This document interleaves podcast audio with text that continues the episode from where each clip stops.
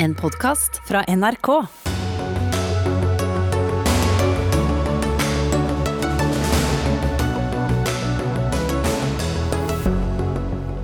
Snart kan det skje. SAS og flygerne blir enige. På børsen tror mange det. Aksjen steg 11% Uforståelig for eh, professoren som følger flyselskapet.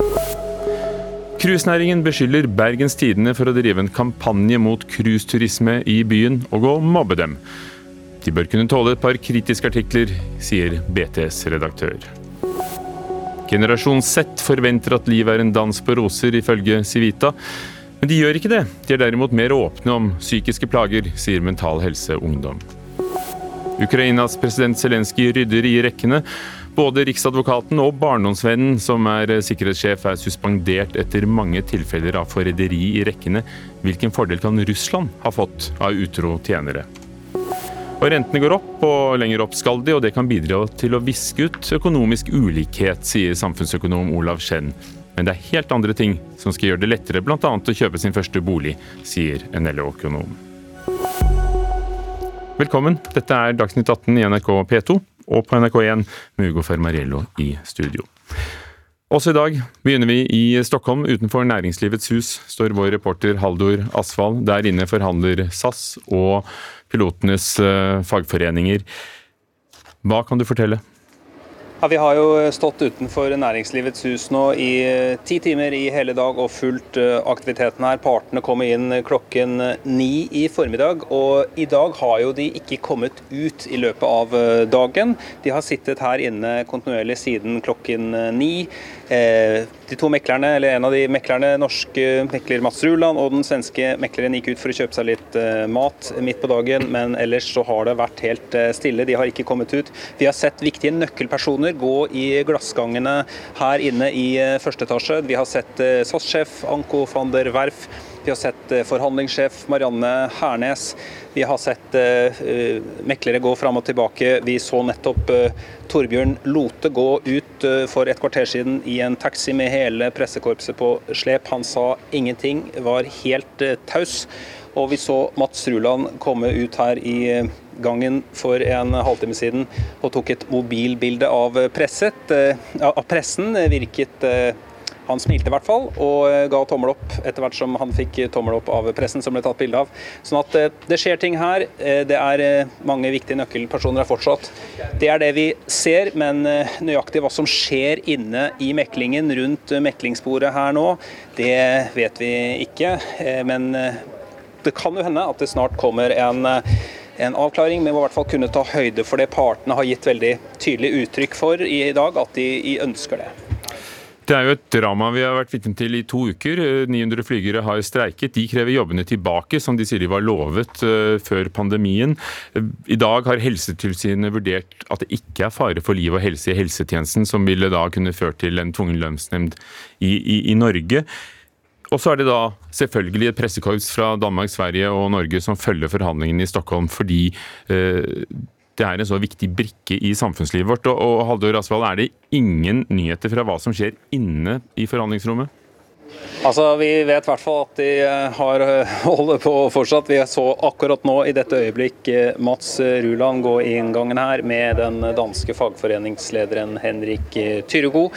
De gikk opp i i eh, opptrappa her nå. Eh, vi vet jo at et eh, vanskelig tema underveis her har bl.a. vært varigheten på disse tariffavtalene til SAS. Hvis Jo lengre de avtalene er, jo da kan jo ikke altså, pilotene streike i løpet av den perioden. og Det er noe de er altså, de frykter. Hvis de har en veldig lang tariffavtale, så er det eh, veldig vrient for eh, pilotene å være med på det. Vi vet at det har vært et stridstema med hva som skal skje med de oppsagte pilotene som ble sagt opp under pandemien.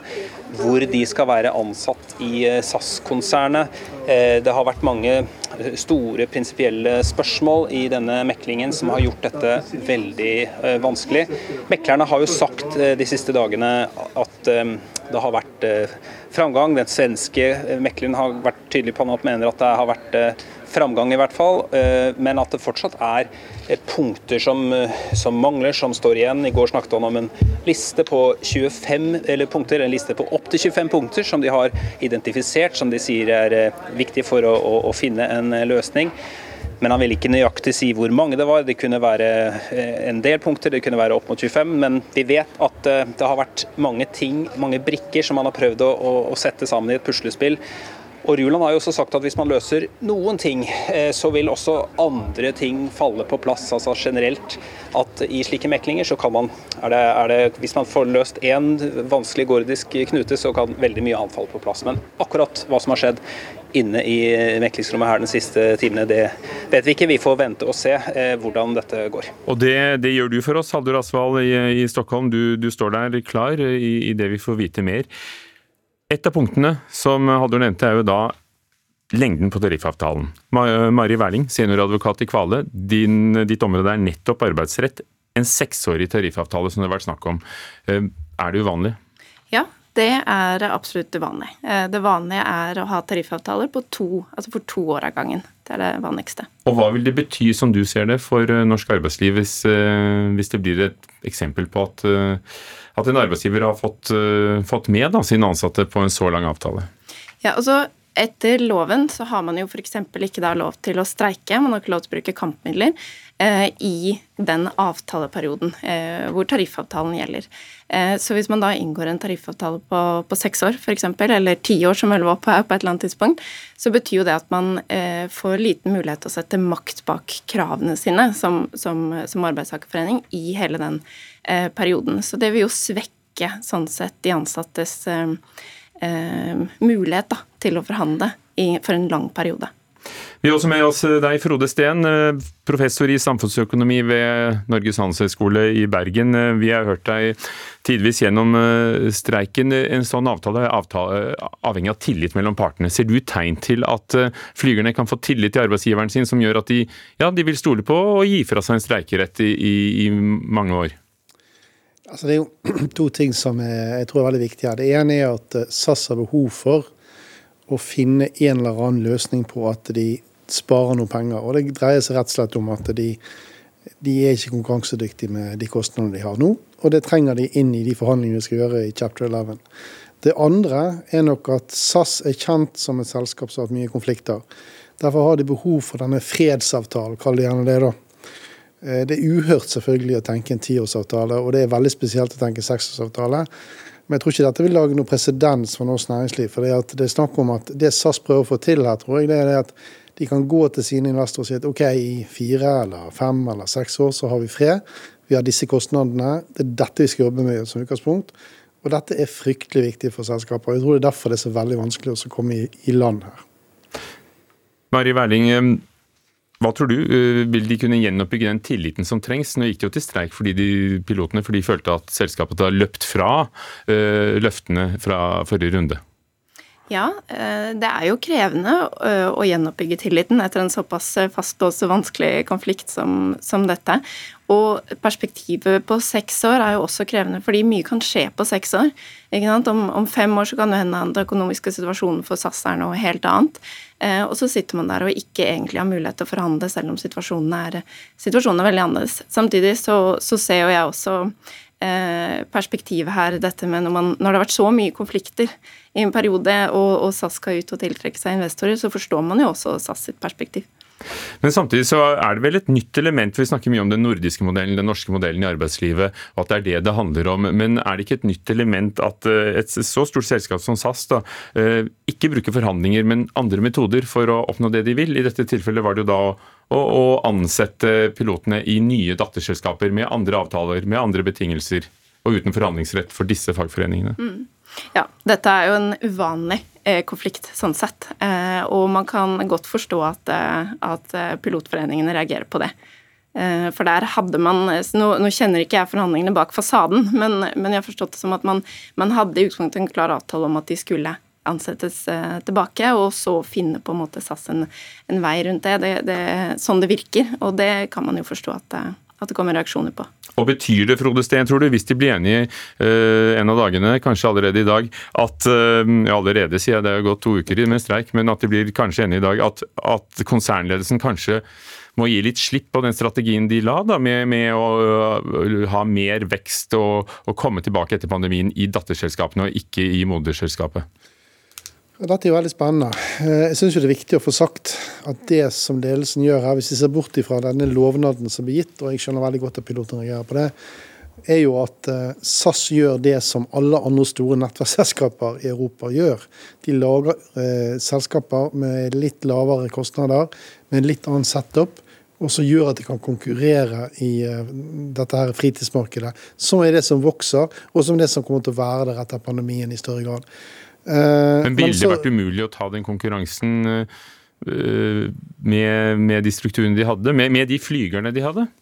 Eh, de kan klare det med de flygerne, men de kan ikke klare det med de kostnadene i de kontraktene de har med de flygerne. Så da er jo spørsmålet vil disse 900 pilotene være ansatt i morselskapet og akseptere de betingelsene som man da legger opp til disse nye selskapene? Det tror jeg ikke de vil. Hmm.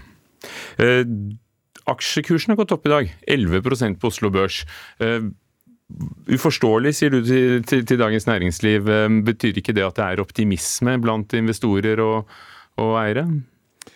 Ja, altså jeg tror dette her er et sånt produkt som vi så òg uh, når Norwegian uh, var i problemer. Så var folk villige til å kjøpe aksjen og villige til å investere i selskapet. Jeg tror nok at uh, det er et signal til markedet om at ting går bedre, og at det kanskje blir en løsning. Men det som forundrer meg, er matematikken i dette her. Eh, hvis vi nå skal gjennom chapter 11, så betyr det at en rekke eiere nå Altså konkursbeskyttelsen ja, i USA? Mm. Så betyr det at eiere og de kreditorer de må istedenfor å ha lån til selskapet, så skal de få eierandeler. Når de får eierandeler, så betyr det at de som allerede har eierandeler, de blir vannet ut. De får mye mindre eierandeler. Så dette regnestykket går ikke opp. Og Nå er ikke jeg en eh, finansprofessor, selv om det sto det i Dagens Næringsliv. Ja, det sto det, men du er jo ikke det. Du er samfunnsøkonom, du. jeg er samfunnsøkonom. Men de som regner på dette og kan dette bedre enn meg, de har jo alle sagt at eh, dette er gale, Mathias, og løp og selg snarere enn løp og kjøp. Så det er jo en fascinerende ting. Men flyaksjer, historisk, altså vi kan gå tilbake i 50 år, 100 år, nær sagt, de er Det er et slags folkegreie. Folk liker å eie flyaksjer av en eller annen merkelig grunn. Men eh, så kan det jo være noe annet som ligger bak, at noen selger seg ut og andre kjøper inn fordi de tenker det er billig. Men jeg forstår ikke matematikken i dette i det hele tatt. Altså. Det var eh, aksjeprisene, men så er det dette med, med arbeidslivet. da, og Marie Werling, Det er vel ganske spesielt når du har tre land, fire fagforeninger som nå har slått seg sammen da i eh, SPG, Scandinavian Pilot Group, som forhandler. Men er det helt spesielt komplisert i tilfelle SAS? Ja, det, det, er spesielt komplisert. Det, det, det, er det absolutt. Og det er jo en av grunnene til at det også åpenbart har vært så vanskelig å løse, og også hvor eh, en, en av grunnene til at dette med tvungen lønnsnemnd f.eks., som vel har vært oppe, men som nå ikke virker så aktuelt allikevel, eh, ikke ville vært en veldig god eh, måte å få løst det på. Kan, kunne det ha skjedd? Det ville jo da bare eh, vært tilfellet i Norge, da? Ja, det ville bare vært eh, de norske eh, forholdene som man kunne grepet inn i. Erfaringene fra denne SAS-konflikten, vil det forandre noe for hvordan du, du ser på mulige konflikter i din, din jobb som, eh, med, med arbeidsrett? Nei, det tror jeg ikke. Det, dette er såpass spesielt at eh, det neppe vil eh, få så store ringvirkninger inn i vårt daglige virke, f.eks. Mm. Frode Steen, det er mye snakk om omdømmet til SAS. Hva tror du er verst for omdømmet? En ledelse som selv har gått ut mot sine ansatte fra toppledelsen og, og anklaget dem for å være illojale, eller, eller nettopp bare at flyene har, har hatt mange avlysninger? Nå tenker jeg at Uansett hvordan vi snur og vender på dette, her, det er to parter. Det var noen piloter som gikk til streik her. da. Og Det er jo kanskje folk eh, ser for seg, men de har fått uvanlig mye støtte eh, til å være en godt betalt eh, yrkesgruppe. Men jeg, jeg, jeg, jeg, har vel aldri helt skjønt dette fantastiske argumentet om at sånn de skal redde nærmest den skandinaviske modellen. Dette her. Dette dreier seg uansett hvor vi snur om penger, arbeidsbetingelser osv. Og så i tillegg dette for vanskelige tingen som går på at eh, tilbake til hvilket selskap. Men nei, jeg tror at det største utfordringen vi har nå, det er det at eh, folk kan faktisk eh, velge andre selskap, og det er flere selskap å velge blant. Og SAS har slitt med kanselleringer og slitt med regularitet lenge før denne streiken. Alt dette gjør jo at eh, det blir vanskelig. Og det er en annen ting som kommer nå, og det tror jeg ikke man tenker så mye på. Men det er veldig mange passasjerer nå som sitter med store regninger som skal betales. Når de kansellerer billettene, så, gir de faktisk nærmest nadet tilbake. og De sitter på pengene til kundene til de har gjort opp regningen. Og da tenker jeg, Hvis folk sitter nå fremover et halvt år og venter på penger de ikke har fått, og de, de må betale på kredittkortgjeld kanskje og alt mulig annet, jeg tror ikke de har så veldig lyst til å, å, å bestille med SAS og bestille med en av de andre. Og sagt på en annen måte er, SAS har alltid vært sånn ja, men alle kommer tilbake til oss, for alle elsker oss. Og jeg er en av de. Jeg er en av de som har likt dette selskapet i alle år og flydd masse med det. Men det er klart at på et eller annet tidspunkt så blir folk lei og så tenker vet du hva, jeg vil heller være sikker på at det kommer fram, og så får det være at det ikke er SAS. Og vi følger med i Stockholm, hvor uh, forhandlerne fortsatt er innelåst i Næringslivets hus. Um, takk skal dere ha. Frode Steen, professor ved Handelshøyskolen, og Mari Werling fra advokatfirmaet Kvale.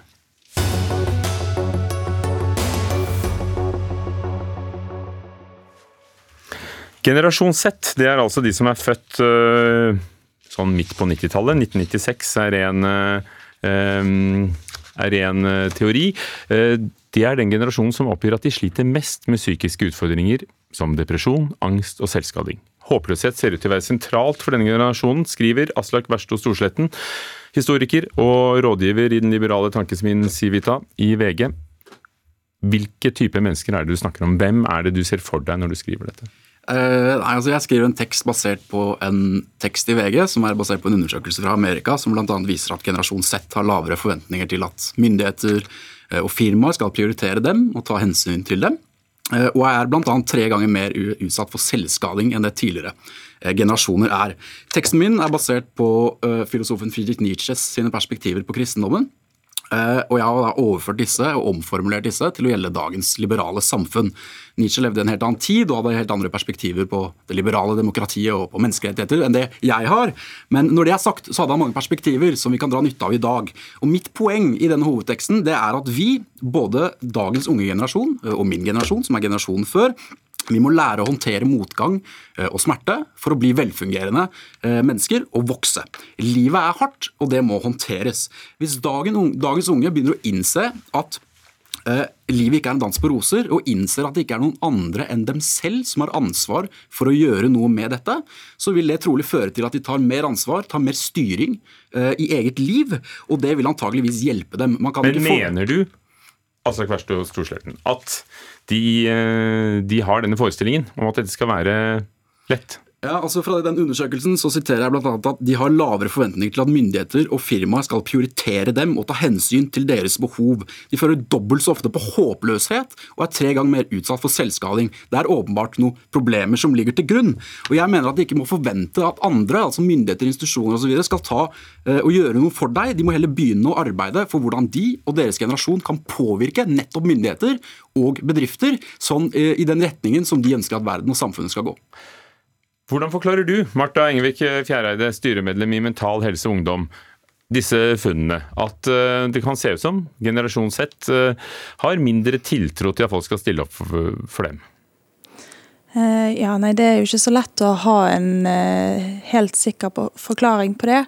Men det som er sikkert, det er at dette er en generasjon som allerede jobber hardt med å påvirke myndigheter og påvirke rettighetene sine, tilbudene sine, politikken det er allerede en veldig engasjert generasjon eh, som ikke sitter ned og forventer å få alt i fanget. De er ute på markeringer og demonstrasjoner og underskriftskampanjer og engasjerer seg frivillig og organisatorisk. Storsletten, du, du, brukte, og da er det vel nettopp fordi du da har befatt deg med Nietzsche, da, ordet slavemoral. Hva ligger i det begrepet? Eh, altså det er et skarpt og spisst begrep, og jeg tror på ingen måte på noen form for herremenneske, sånn som Nietzsche gjorde. Jeg må bare få det avklart. Men jeg brukte slavmoral fordi det er et, det et spisst, det er et kraftfullt begrep som jeg mener eh, beskriver et, et, fenomen som jeg ser og leser om i bl.a. forskning. Det finnes bl.a. en veldig kjent amerikansk sosialpsykolog eh, som heter Jonathan Haidt, som beskriver tre uh, usannheter som dominerer akademia og dagens unge i dagens samfunn. Det, eneste, det ene er det som ikke dreper deg, gjør deg svakere. Det andre er stol alltid på følelsene dine. Og det tredje er livet er en kamp mellom gode og onde mennesker. Og alle disse tre tingene er helt motstridende med moderne mainstream psykologi, og det er motstridende med århundre gammel visdom som kommer fra vår kultur og andre kulturer. Fordi det er nettopp sånn at det som ikke dreper deg, gjør deg ganske ofte sterkere. Ikke alltid, men ganske ofte. Man skal ikke alltid stole på følelsene sine, fordi da tar man alle hverdagslige problemer og skuffelser og tar uh, disse altfor alvorlig og høytidelig, og det fører igjen til skade skade. I tillegg så er ikke livet en kamp mellom gode og onde mennesker i stort. Det er en kamp mellom perspektiver, og jeg føler at unge må bli flinkere til å akseptere at andre mennesker kan ha andre perspektiver enn det de har. Fjæreide, hva tror du? Er, eh, er ungdom eh, mer har, har, Stoler de for mye på følelser? Nei, jeg tror ikke det. Eh, vi i Mental Helse Ungdom ser at ungdommer i dag er opptatt av følelser. De er opptatt av å snakke om følelser og snakke om psykisk helse. Eh, og det har jo ikke generasjonene før vært så flinke til.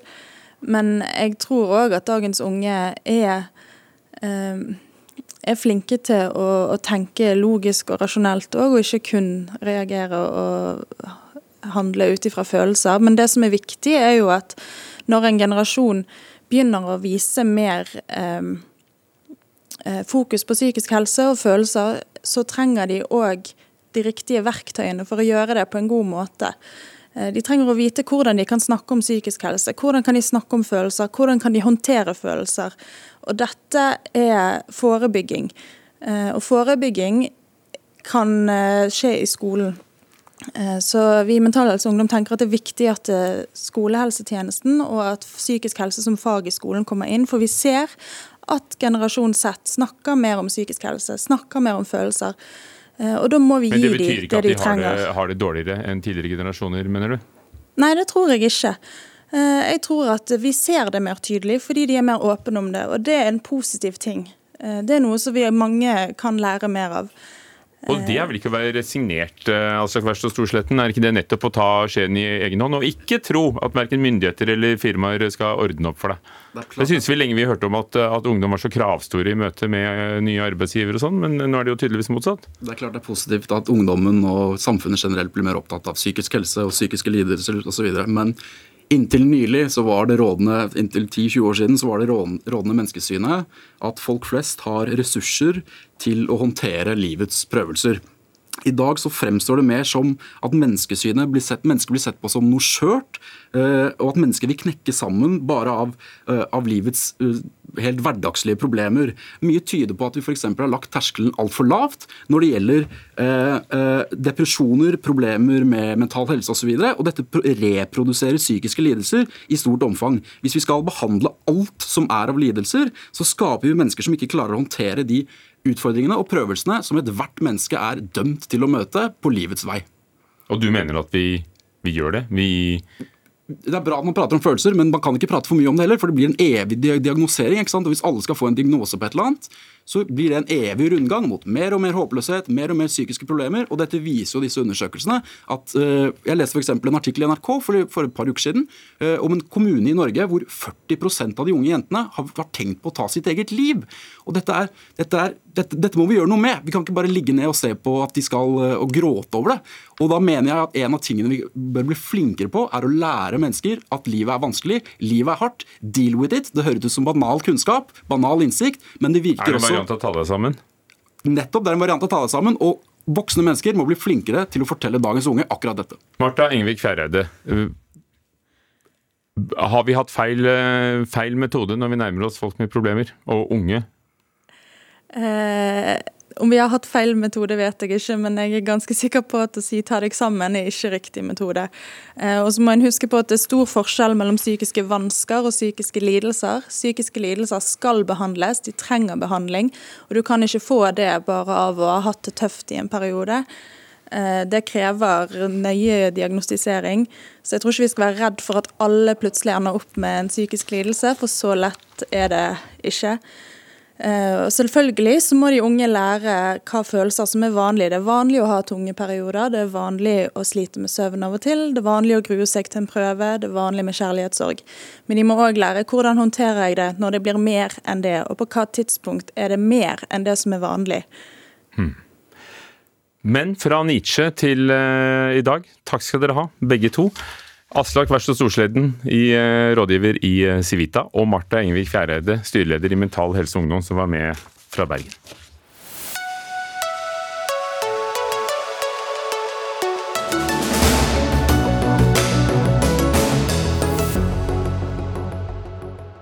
Intet tema for stort, intet for lite. Hunderasen Mops sliter med pusten, og Dyrebeskyttelsen vil få inn noen nye gener inn i rasen, mens Norsk Kennelklubb mener det finnes friske mopser. Denne debatten tar vi i løpet av dagens sending. Cruiseskipene er tilbake. De ruver i fjordarmer ved Akershuskai i Oslo og ved Bryggen i Bergen. Bergen er Europas fjerde største cruisehavn. Hver dag i sesongen er det opptil 8000 turister som kommer til Bergen med cruisebåter. Debatten er gått. Bergens Tidende har tatt til orde i flere artikler for å begrense tilstrømningen. Og nå står to som lever av å ta imot disse menneskene frem i avisen og sier de føler seg mobbet. Helge Skaar, styreleder i Arctic Guide Service, som nettopp uh, viser dem rundt, de som uh, kommer ned landgangen fra de store skipene. Hvorfor reagerer dere så sterkt på Bergens Tidendes dekning? Nei, fordi at uh, vi opplever at uh, karakteriseres uh, med påkledning, oppførsel og språk. Og vi syns ikke det er riktig å karakterisere noen grupper på den måten som Bergens Tidende gjør. Og i hvert fall ikke i en politisk kommentar. Det mener vi fører denne debatten ned på et altfor lavt nivå. Dette er bare mobbing. Jens Kiel, kultur- og debattredaktør i Bergens Tidende. Er det mobbing dere har drevet med i deres dekning og kommentering av eh, turismen i Bergen?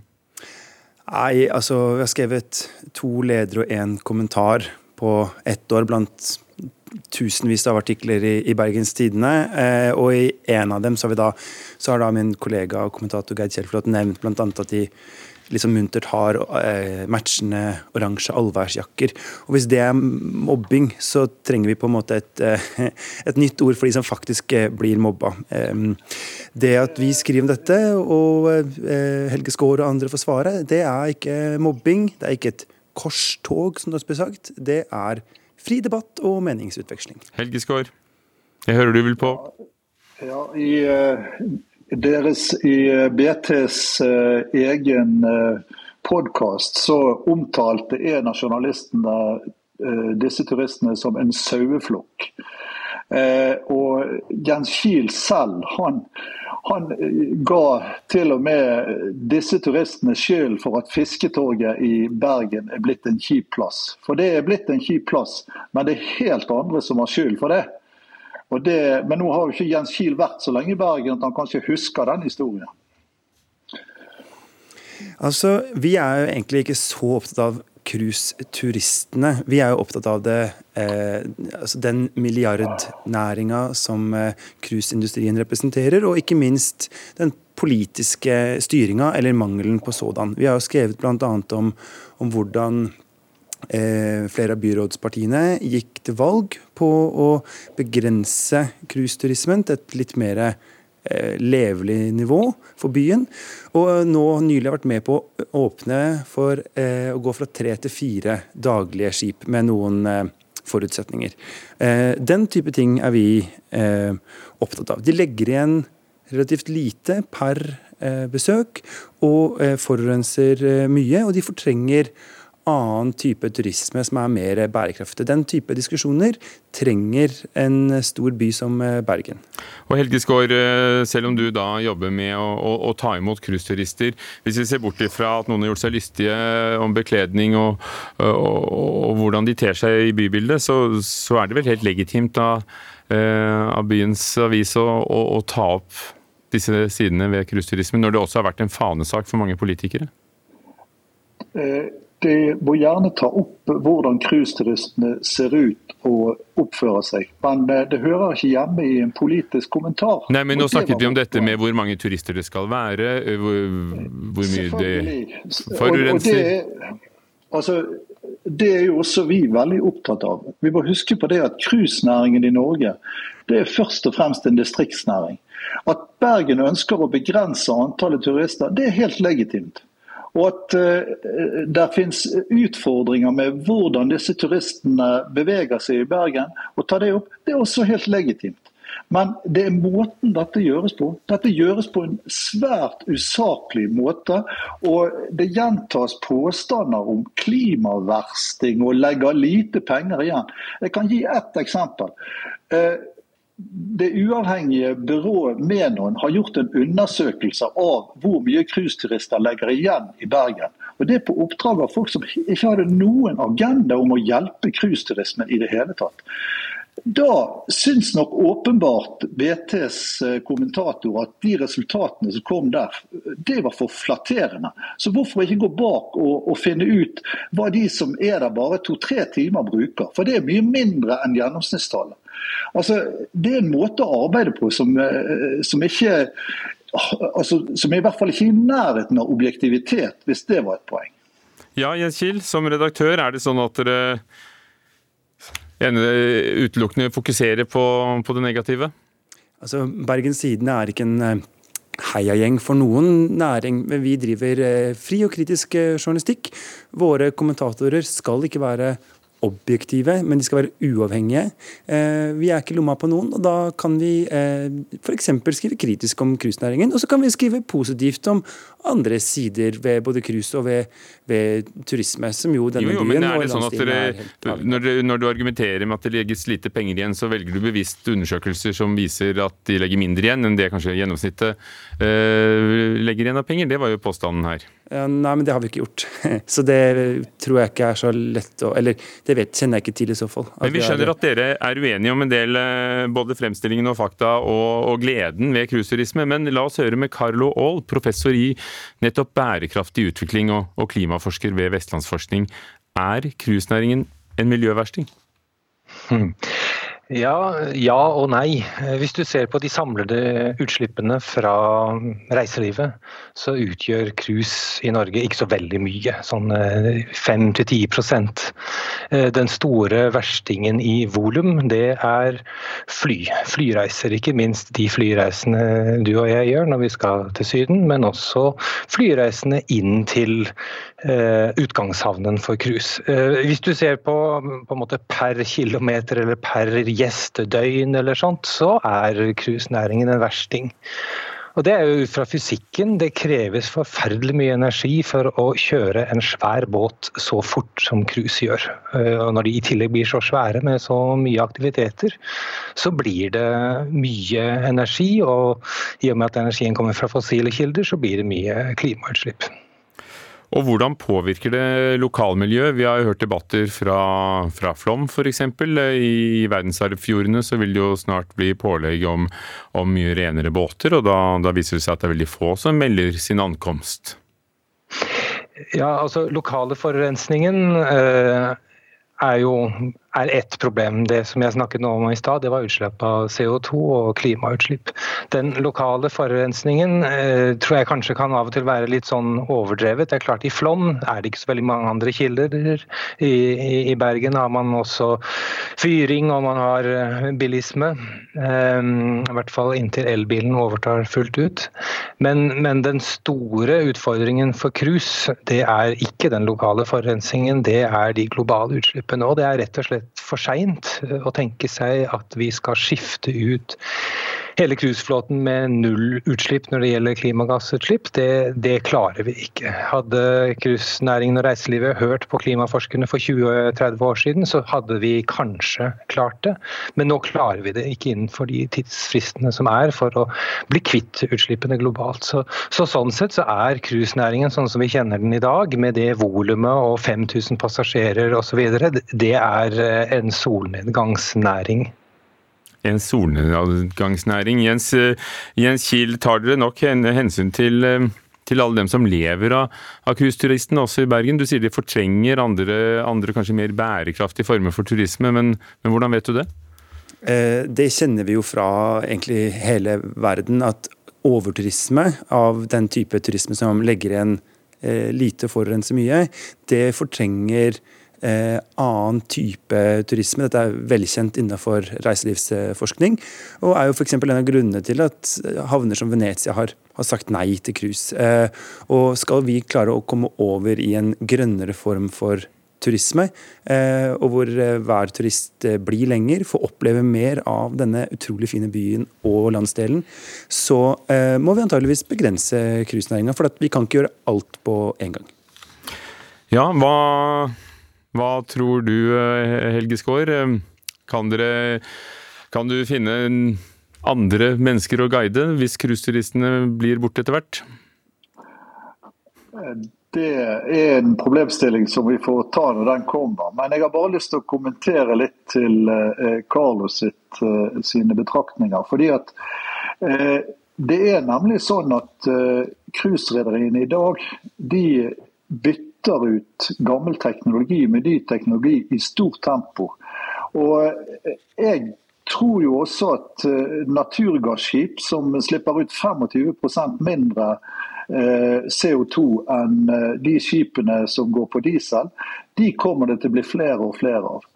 Eh, det som jeg ikke synes kommer godt frem i diskusjonen om hva som er bærekraftig turisme, det er det at vi har, vi har bygder som skal leve av dette, her, som trenger et visst antall turister. Hvis du skal ha et levekraftig antall turister i veldig mange steder i Norge, så finnes det ikke noe alternativ til cruisetransport. Og skal du ha andre former for eh, transport, ja så får du veldig store infrastrukturkostnader. Sjøtransport har den eh, gode tingen ved seg at eh, infrastrukturkostnader er veldig små. Fordi at du seiler rett og slett på motorveien på havet. Motorveien på havet. Jeg tror Helge Skår, at vi skal la det være siste ord. Vi har fått fine bilder som solnedgangsnæring, men også motorvei på havet. Takk skal dere ha, alle sammen. Helge Skår, styreleder i Arctic Guide Service, Jens Kiel, kultur- og debattredaktør i Bergens Tidende, og Karl Aall, professor i nettopp bærekraftig utvikling.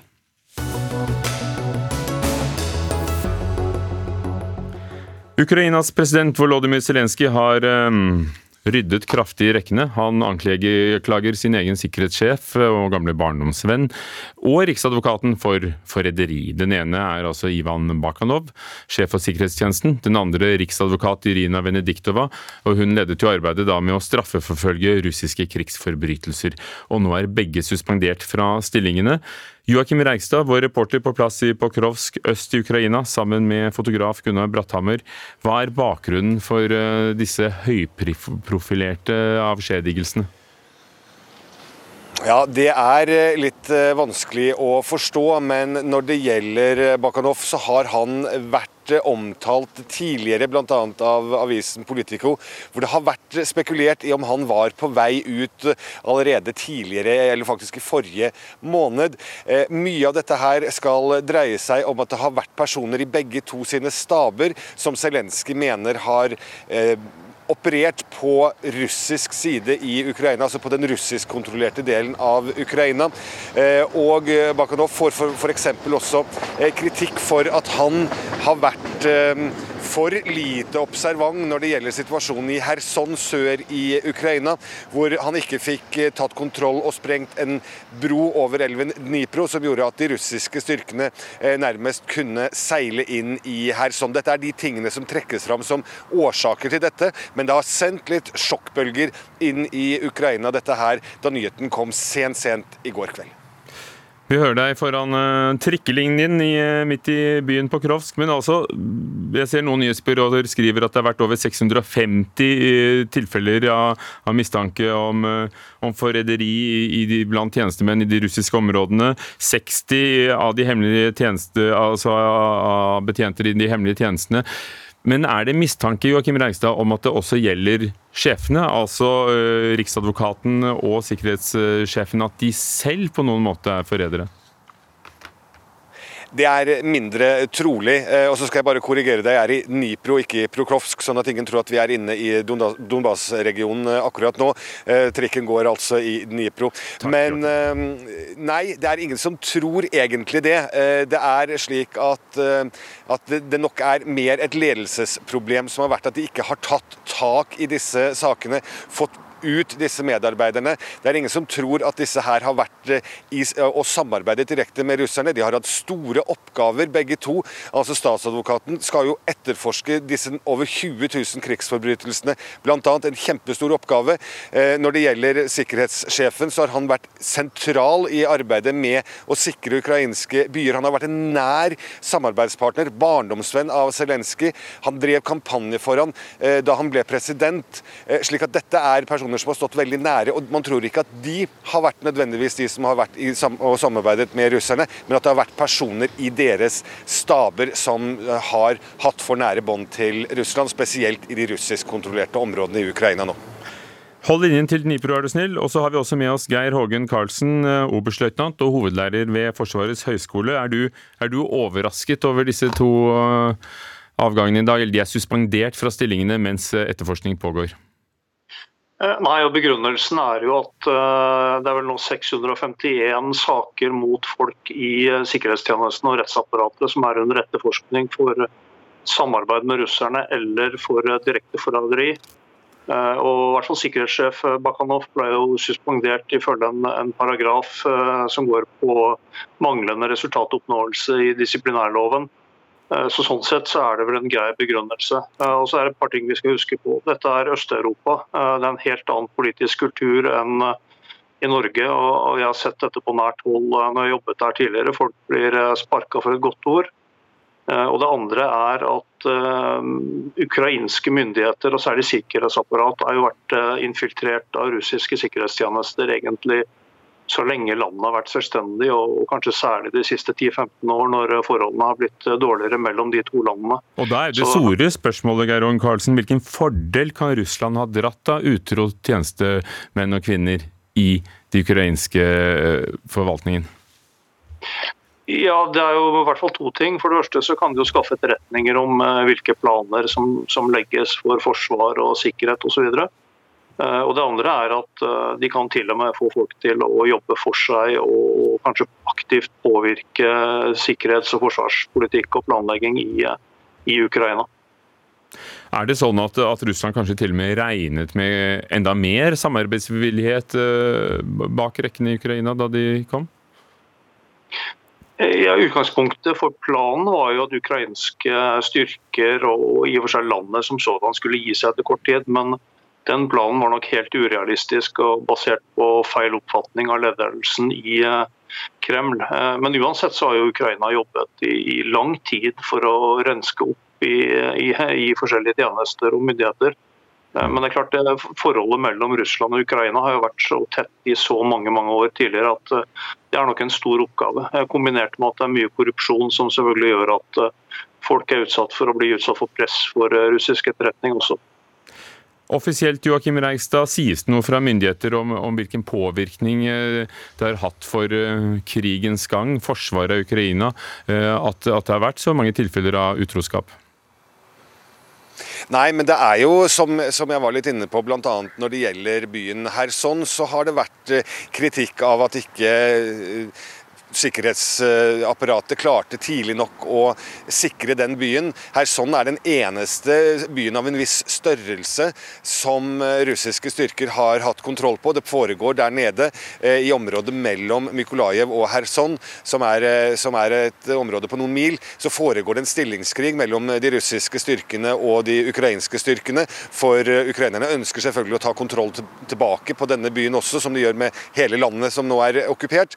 Det har vært en den største kritikken at ikke dette var på plass på et tidligere tidspunkt, slik at russerne kunne gå rett inn. Men om det har en direkte sammenheng med at eh, sikkerhetssjefen eh, i, i går eller i natt fikk eh, sparken, det er mer usikkert. Geir Ågen Karlsen, Irina Benediktova har, vært, Benediktova har vært kjent nettopp for, for det at hun har straffeforfulgt og mistanker om russiske krigsforbrytelser. Hva skjer med de sakene nå? Nei, altså Apparatet vil jo fortsette. Det er utnevnt en midlertidig riksadvokat, så det, det vil nok fortsette som, eh, som, tidligere. Eh, men det her er jo en typisk østeuropeisk måte å håndtere manglende eh, resultatoppnåelse på. Så sparker man sjefene. Og så får nestemann Eller de er jo ikke sparket, de er suspendert, da. Men de er i hvert fall tatt bort fra stillingene sine. Og Det statuerer jo et eksempel å holde presset oppe på alle for å, for å skape resultater. En, en noe mer brutal kultur enn det vi er vant til. Takk skal dere ha. Geir Hågen Karlsen, hovedlærer ved Forsvarets høgskole, og korrespondent Joakim Reikstad i Nipro.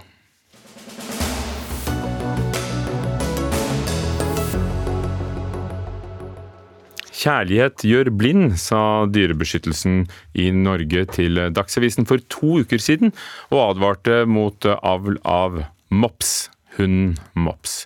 Påstanden om at hunderasen ikke lenger er normal og levedyktig er helt feil, svarte Norsk Kennelklubb, og i dagens avis fortsetter debatten med nok et innlegg.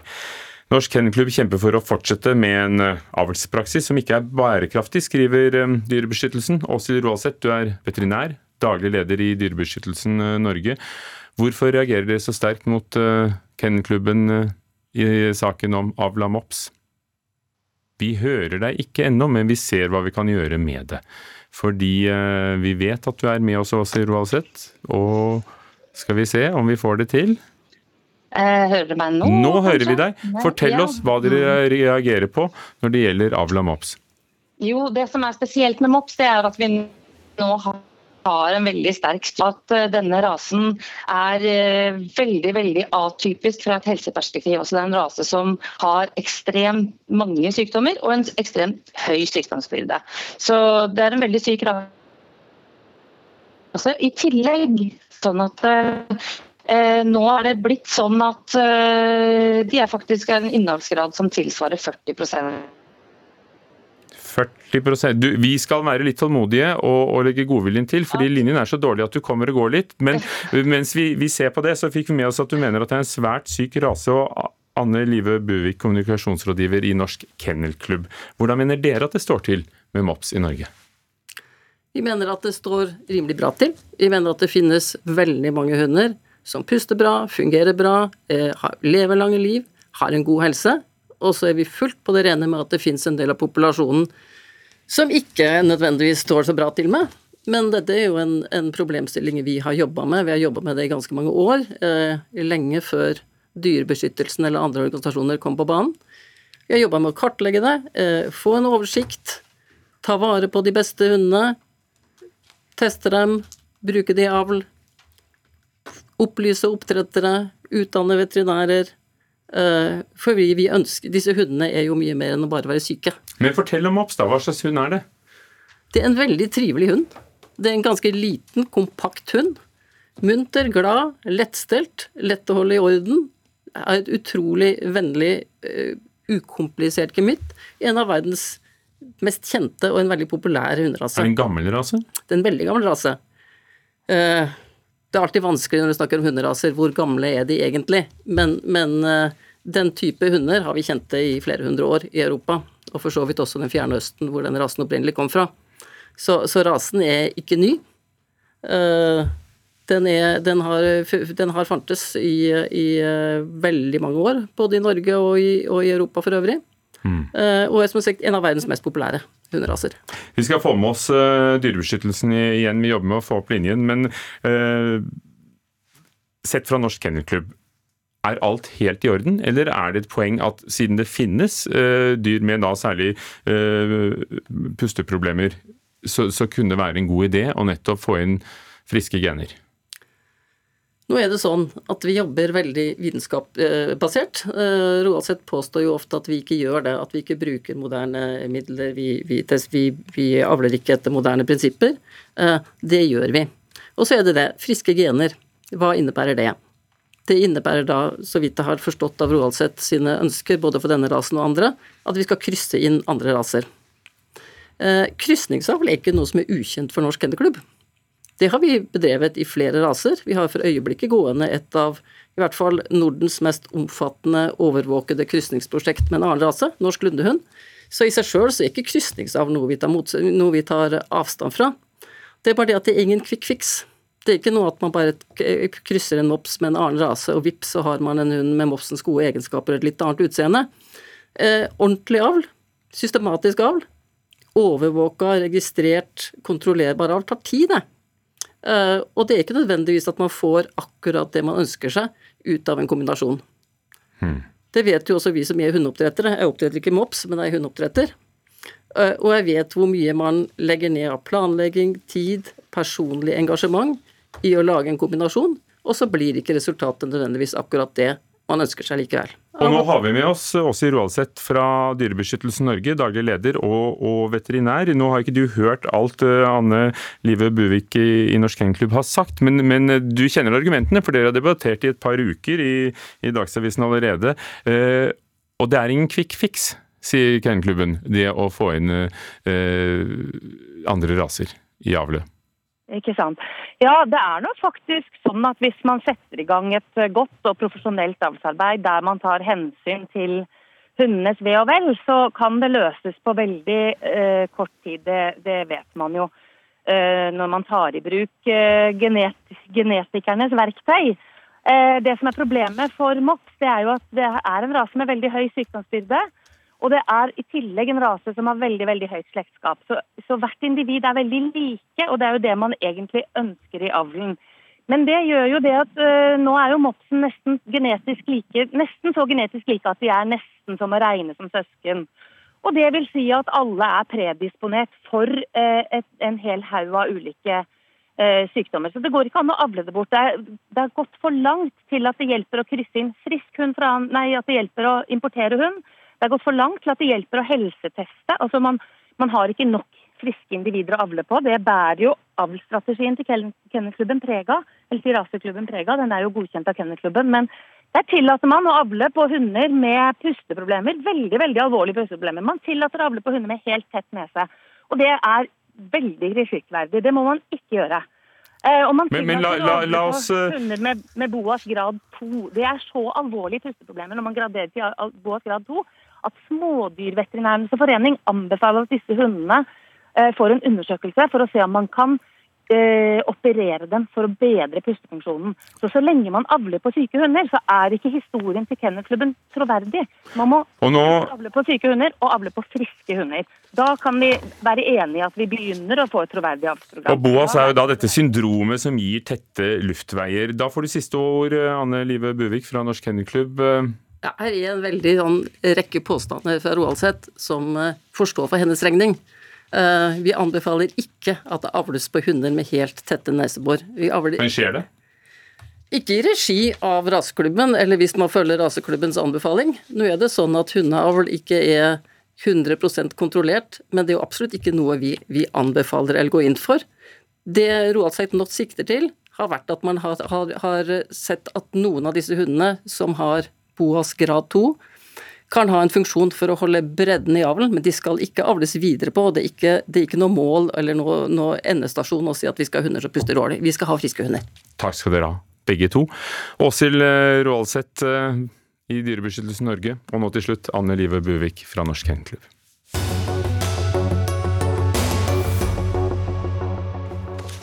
Å sette opp renten bidrar til å jevne ut sosiale forskjeller. Det mener samfunnsøkonom i Storebrand, Olav Skjenn. Det sa han i sommerkvarteret i Politisk kvarter i Nyhetsmorgen i dag tidlig. Bare i år har boligprisene økt med 9% og renten er på vei oppover. og Norges Bank har nå en styringsrente på 1,25% Den skal øke til rundt 3,5 og da kan vi vente oss boligrente på 4% Olav Skjenn, hvordan mener du at høy rente kan bidra til å, å jevne ut økonomiske ulikheter i Norge? Det er flere forhold her, eh, men i den grad at eh, økte renter bidrar til å dempe boligetterspørsel og boligprisene, og hvis du eh, er enig i premisset om at i boligmarkedet eller boligprisene er en av de største kildene til økt formuesulikhet, så vil det her på lang sikt kunne dempe formuesulikheten. For det er ikke noe tvil om at eiendomsmarkedet, boligmarkedet, har vært en stor kilde til økende formuesulikhet. Så er jeg helt enig med alle om at det eh, bygges for lite også. Men som økonom så er det første lærer at det finnes to sider. Det finnes tilbudsside og en etterspørselsside. Mitt poeng er at man adresserer etterspørselssiden, og i den grad økte renter bidrar til å dempe boligpriser, så er det en liten kostnad, for på lang sikt, til å eh, eh, eh, få ned eh, ulikheten som boligmarkedet har ført til. Det er veldig mye fokus på mat, energi, strøm og bensinpriser. Men som de fleste vet, så er jo det småbeløp faktisk i forhold til hva du betaler for bolig. Så selv om du betaler tre mil eh, for en bolig, men hvis du ønsker å kjøpe deg oppover i boligmarkedet, en bolig som koster 6 mil, og hvis boligprisen har steget med 10% ja, den du eier har steget med 300% men det du ønsker å kjøpe i fremtiden har økt med det dobbelte. Så Sånn sett så blir man kanskje litt for kortsiktig med tanke på å ikke adressere dette her, samtidig som man tror at man tjener på de boligene man eh, har. Men Men, Eh, men la oss høre, Olav Skjenn. La oss høre med LO-økonom Liv Anna Lindmann, ansvarlig for eh, fagområdet nettopp boligpolitikk i LO. Er du enig i at økte renter, og det får vi, og det får vi mer av, vil bidra til å, å jevne ut økonomiske ulikheter, fordi bolig er så stort for mange? Ja, LO er jo altså enig med Chen i veldig mye av empirien her. Eh, Det at boligprisutviklingen, slik den har vært de siste ti åra, eh, i større og større grad blir en ulikhetsmaskin, det er vi veldig opptatt av. Altså Nordmenn har jo mesteparten av formuen vår i boligverdier. Og på den andre siden så er vi med boliglånene våre begynt å bli en av de mest forgjelda befolkningene. Vi er faktisk på verdenstoppen, og dette har jo også Chen pekt på. Men helt sentralt her er det jo at fordelingen av boligformuen og boliggjelden er svært skjev. Og denne skjevheten den ser vi både over generasjonene, og unge sitter nå med høy gjeld, men vi ser det også over geografi. Så vi ser det har vært en markant prisforskjellsøkning mellom tettbygde strøk, særlig byer, og distriktene. Så denne gjeldsbelastningen og økende ulikheten det er med på å gjøre den norske økonomien eh, sårbar for svingninger og nedturer. Og akkurat dette premisset, der er vi enige, men så skiller det. For det vi er uenig i, det er i det at renteøkninga i seg sjøl skal dempe ulikhetsøkningen gjennom boligmarkedet. Dette mener vi er et ganske diskutabelt premiss. Ja, bare si hvorfor, du, så skal Skjenn få lov til å svare på det. Ja, altså Olav sier jo at hvis boligprisveksten dempes av renteøkning, så vil det komme vanlige folk til gode. Men den direkte effekten av renteøkningene er jo omvendt. Og det kjenner jo folk på nå. De fleste i- Norge i dag de eier boligen sin. Og de med høy gjeld de får selvfølgelig dårligere råd av at renteutgiftene går opp. Og de som har høyest boliglån opp mot sin disponible inntekt i dag, det er de unge. Og det er småbarnsfamiliene. De kommer til å få dårligere råd siden de kom sist inn på boligmarkedene. Og Olav Skjenn, det er vel de mest eh, sårbare gruppene, er det ikke det, når det gjelder det å bo? Jeg er ikke, jeg er ikke uenig i det. Men bare ta et eksempel. Da. Eh, Gitt at de rentehevingene som er varslet nå faktisk demper etterspørselen i boligmarkedet, så vil jo det potensielt gjøre det eh, enklere for førstegangskjøpere å komme inn og betale faktisk mindre i forhold til å kjøpe seg bolig, hadde renten vært null. Da. Så hvis man legger til grunn at rentepolitikken, eller renten skal alltid være null, og det er det som er på en måte konstanten, så men det er ikke det som er eh, rente, pengepolitikkens eh, eh, mål. Det er jo for å være førstelinjeforsvar mot eh, inflasjon spesielt, men også både stimulere i dårlige tider, eller faktisk dra i bremsen eh, i gode eh, tider. Problemet er at rentene har så stor påvirkning på boligmarkedet. Jeg tror de fleste skjønner at eh, renten er kanskje den største faktoren, i tillegg til arbeidsmarkedet, eh, som påvirker eh, boligmarkedet. Og Sånn sett så har det en stor også. Jeg er enig i alt det som blir sagt her, men på sikt, i den grad Uh, renten kommer til mer normalt nivå. Fordi vi, det, er, det er også viktig å huske at vi, kommer, vi fortsatt er på et ekstremt lavt historisk nivå. Vi er ikke tilbake til normalen ennå. Så de som har boliglån, må jo, eller skal og bør ha tatt høyde for at eh, renten skal normaliseres. Og Sånn sett så er høyere renter velkomment. og Skulle det stige mer på lang sikt, også dempe boligmarkedet mye mer enn gjort de siste 10-20 år, så vil det, mener jeg, jevne ut formuesulikheten, som har uh, vært stor, spesielt via boligmarkedet de siste 10-20 år. Liv Anne Lindmann. Ja. Altså, For det første så er det jo slik at eh, det som virkelig har trukket opp prisene, er at vi har hatt altfor lav boligbygging. Og vi har hatt en boligbygging som ikke har tatt hensyn til de store demografiske endringene i økonomien vår. Altså Man har frisluppet boligpolitikken, latt den eh, få stå til markedskreftene, og det fungerer svært dårlig. Det har vi sett. Og da hjelper ikke noen prosent i renter? Nei, det gjør ikke det. Og de økte prisene også, de er importerte gjennom byggematerialer og andre ting som har ført til at byggekostnadene har gått veldig høyt opp. Og vi vil ikke få billigere boliger med økte renter nå. Men altså, tid er i hvert fall et knapphetsgode. Så takk skal dere ha, for våret er over. Liv Anna Lindmann fra LO, Olav Skjenn fra Storebrand, eller Eli Kyrkjebø var teknisk ansvarlig, Sofie Lorkvalg ansvarlig for Dagsnytt 18, Hugo Fermarello programleder. Ha det. Du har hørt en podkast fra NRK. Hør flere podkaster og din NRK-kanal i appen NRK Radio.